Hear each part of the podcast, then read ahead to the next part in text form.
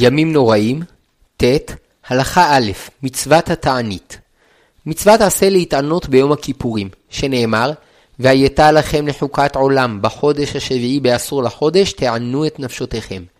ואף שעיקר מצוות העינוי בהימנעות מאכילה ושתייה, מפני שעל ידם האדם מתקיים, ולכן רק העובר עליהם במזיד חייב כרת ובשגגה חטאת, מכל מקום מצוות העינוי כוללת עוד ארבעה איסורים, שאף בהם יש עינוי, הרי שיחד עם איסור אכילה ושתייה, הם חמישה איסורים. א', אכילה ושתייה, ב', רחיצה, ג', סיכה, ד', נעילת הסנדל, ה', תשמיש המיטה. אין מצוות העינוי מחייבת לעשות דברים שגורמים צער, כמו לשבת בצהריים בשמש, אלא המצווה היא לשבות מאותם דברים שבמניעתם יש עינוי. היסוד לכך, ממה שנאמר, שבת שבתון הוא לכם, ועיניתם את נפשותיכם.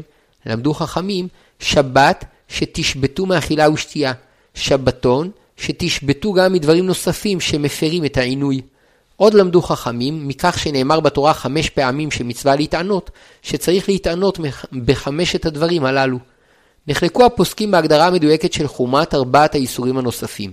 יש אומרים שהואיל ולא נאמר במפורש שהאיסור הוא לאכול ולשתות, אלא נאמר ועיניתם את נפשותיכם, הרי שהמצווה מהתורה כוללת את כל חמשת העינויים, וכפי שלמדו חכמים מהפסוקים. ולדעת רוב הפוסקים, רק אכילה ושתייה אסורים מהתורה, כי בהימנעות מהם עיקר העינוי, ומכל מקום, לא כתבה התורה במפורש שהמצווה היא להימנע מאכילה ושתייה, אלא כתבה שהמצווה להתענות, ללמדנו שהעינוי צריך לבוא לידי ביטוי בעוד דברים, ועל פי זה אסרו חכמים את ארבעת הדברים הנוספים. ימים נוראים, ט. הלכה ב' רחיצה. כל רחיצה של תענוג אסורה ביום הכיפורים, בין במים חמים ובין במים קרים, ואפילו מקצת הגוף אסור לרחוץ, ואפילו להושיט אצבע אחת קטנה לתוך מים אסור, אבל מי שנתלכלך בבוץ או בצואה או שנטף דם מחותמו, רשאי לרחוץ את המקום המטונף, מפני שכוונתו להסיר את הלכלוך ולא לתענוג. וכן כאשר מחליפים חיתול לתינוק, רוחצים את המקום המלוכלך ואת הידיים בסבון, כדי להסיר את הלכלוך והזוהמה. ואף שבכל רחיצה להסרת לכלוך יש גם קצת הנאה, כיוון שעיקר הכוונה להסרת לכלוך, אין היא נקראת רחיצה של תענוג.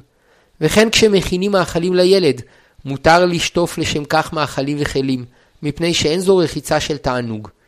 מי שהזיע מאוד, עד שהוא טרוד וסובל מאוד, רשאי לרחוץ את מקום הזיעה, מפני שאינו מתכוון ברחיצתו לתענוג.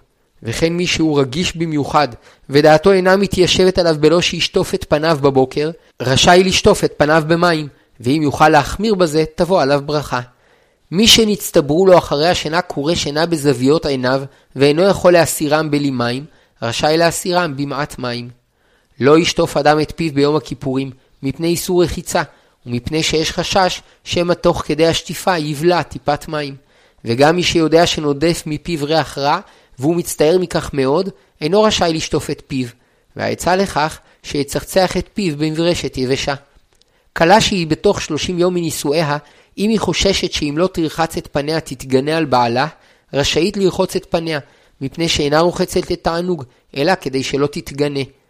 מותר ליטול מגבת שיש בה לחות מועטה, כגון מגבת שניגב בה את ידיו, ולהעבירה על עיניו ופניו כדי לנקותם מעט ולהתרענן, מפני שבלחות מועטה שכזו אין איסור רחיצה. ובתנאי שאין בה תופח על מנת להטפיח, היינו שאין בה לחות כזו שיכולה ללכלח את ידו, שתוכל ללכלח דבר אחר. בדרך כלל, גם במגבונים לחים יש רטיבות של תופח על מנת להטפיח, ולכן אסור להשתמש בהם לתענוג ורעננות, אבל מותר להשתמש בהם כדי להסיר לכלוך וזוהמה. ואם יתייבשו עד שלא יהיה בהם תופח על מנת להטפיח, מותר גם להתרענן בהם מעט. פניני הלכה, ימים נוראים, ט. הלכה ג' רחיצה של מצווה. לצורך מצווה, מותר ליטול ידיים. לפיכך רשאים הכהנים ליטול את כל כף ידיהם לקראת ברכת כהנים. אבל מי שראה קרי ביום הכיפורים, אף על פי שבכל יום הוא רגיל לטבול, ביום כיפור לא יטבול, שאין מנהג חסידות דוחה איסור רחיצה. וכן נידה שיום טבילתה חל ביום כיפור, תדחה את טבילתה למוצאי הצום.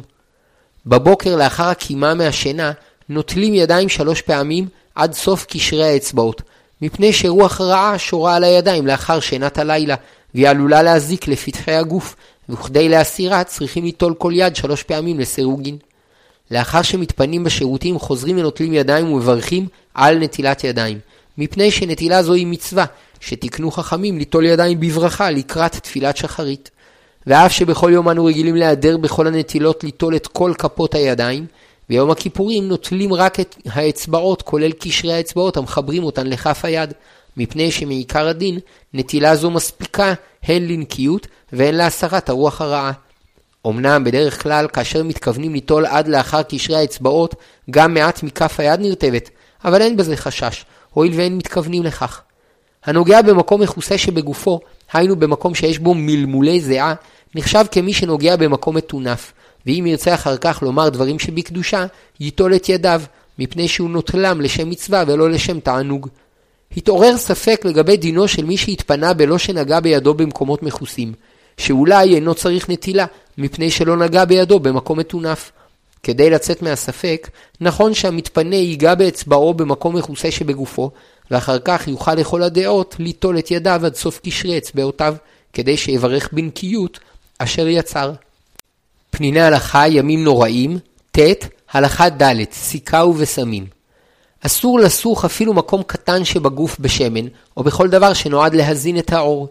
וכמובן שכל סוגי האיפורים שאסורים בשבת משום צביעה או משום ממרח, אסורים ביום הכיפורים, שכל איסורי שבת חלים ביום הכיפורים. מי שסובל מגירודים רשאי לסוך ביום הכיפורים את עורו בשמן נוזלי, ובתנאי שלא יהיה בזה איסור רפואה, שדין יום הכיפורים כדין שבת, וגזרו חכמים על חולה שצערו מועט, שלא ישתמש בתרופות בשבת, שמא יבוא לידי שחיקת סממנים. לפיכך, מותר למי שסובל מגירודים לסוך את עורו בשמן כזה, שגם בריאים לעתים סחים בו את גופם, שסיכה זו אינה נחשבת כפעולה רפואית. ואם הגירוד מפריע לו כל כך עד שהוא ממש מצטער, מותר לו לסוך את עורו בשמן רפואי שמיוצר בבתי חרושת. אסור להשתמש בבושם או בתרסיס, דאודורנט, שנועד לתת ריח טוב בגוף משום איסור רחיצה. שכן הם מותירים רטיבות כזו שהנוגע בה באצבעו נרטב, שזו מדרגת תופח על מנת להטפיח. אבל כדי להסיר ריח רע מותר להשתמש בו, כפי שמותר לרחוץ מקום שהתלכלך, מפני שאז הרחיצה אינה לשם תענוג או רעננות, אלא כדי להסיר זוהמה וריח רע. וכן מותר להתיז על האור תרסיס נגד יתושים, הואיל ואין כוונתו לתענוג, אלא להגנה מיתושים. פניני הלכה, ימים נוראים, ט. הלכה ה' נעילת הסנדל. אסור ביום הכיפורים לנעול סנדל או נעל. בעבר היה מקובל לעשות נעליים וסנדלים מעור, מפני שמחומרים אחרים לא ידעו להכין נעליים וסנדלים חזקים, עמידים וגמישים. ורק לצורך ביתי היו עושים לעיתים סנדלים משעם או גומי או עץ, ואנשים היו משתמשים בהם כנעלי בית. ועניים שהיו רגילים ללכת יחפים, היו לפעמים משתמשים בהם כדרך כשהדרך קשתה עליהם. והתעוררה שאלה, האם מותר ללכת בסנדלים שאינם מעור ביום הכיפורים. יש ראשונים שאסור ללכת בסנדלים מעץ, מפני שההולך בהם אינו מרגיש את קושי הארץ, אבל התירו סנדלים משעם וגומי, מפני שההולך בהם מתענה, מפני שהוא מרגיש בכף רגלו את קושי הדרך. ויש ראשונים שהתירו כל סנדל ונעל שאינם עשויים מעור, מפני שכל עוד הם עשוי, אינם עשויים מעור, אין הם נחשבים נעליים או סנדלים, אלא מעמדם כמעמד מלבוש, וממילא אין איסור ללכת בהם ביום הכיפורים. וכן הורו רוב האחרונים למעשה. אולם נראה בבירור שדעתם התבססה על המציאות לפיה כל הסנדלים שהיו עשויים מחומרים אחרים לא היו נוחים להליכה, ועל כן היה ניתן לומר שאינם נחשבים כנעליים וסנדלים. אבל כיום, שרגילים לעשות נעליים טובות מחומרים שונים שאינם אור, בכל נעל או סנדל שרגילים ללכת במשך השנה בחוץ במקום שיש בו אבנים או חצץ, אסור ללכת ביום הכיפורים. ואין זה משנה מאיזה חומר הם עשויים. ואומנם בדור הקודם, כשעוד לא היו רגילים לעשות נעליים טובות מחומרים אחרים, היו פוסקים שהתירו ללכת בנעליים נוחות כל עוד לא היו מאור או מחומר סינתטי דמוי אור. אבל ככל שעובר הזמן ויותר רגילים להכין נעליים מצוינות משאר חומרים, מתמעטים המתירים ללכת בהם ביום הכיפורים. לפיכך, אסור ללכת ביום הכיפורים בנעליים וסנדלים שרגילים ללכת בהם בחוץ במקום שיש בו אבנים. ואין זה משנה מאיזה חומר הם עשויים. אבל מותר ללכת בנעלי בית מבד, או בנעלי גומי פשוטות מאוד, שאין רגילים ללכת בהם בחוץ במקום שיש בו אבנים וחצץ. ומכל מקום, כיוון שיש עדיין מקלים בנעליים או סנדלים שאינם מאור, אין למחות ביד הסומכים עליהם. פניני הלכה ימים נוראים, ט. הלכה ו' היתרים בנעילת הסנדל. מותר לחולה או יולדת שעלולים לחלות מחמת הצינה אם ילכו יחפים על הארץ, לנעול נעליים. מותר למי שהולך במקום שיש בו חשש סכנה מעקרב וכיוצא בו, לנעול נעליים. וכן מותר למי שהולך במקום רפש וטיט, לנעול את מנעליו כדי שרגליו לא יטנפו. וכן חייל בשירות מבצעי יכול לנעול נעלי צבא, מפני שאיסור נעילת הסנדל הוא רק כאשר נועלים את הסנדלים או את הנעליים לצורך הליכה נוחה, אבל כאשר צריכים לנעול אותם לסיבה אחרת, אין איסור.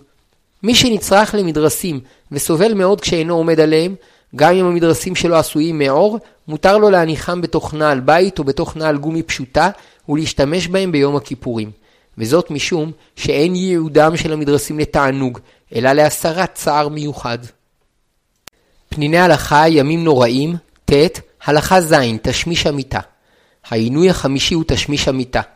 כדי להתרחק מהעבירה, צריכים בני הזוג לנהוג כמו בזמן הנידה, שלא ייגעו זה בזה ולא יישנו באותה מיטה.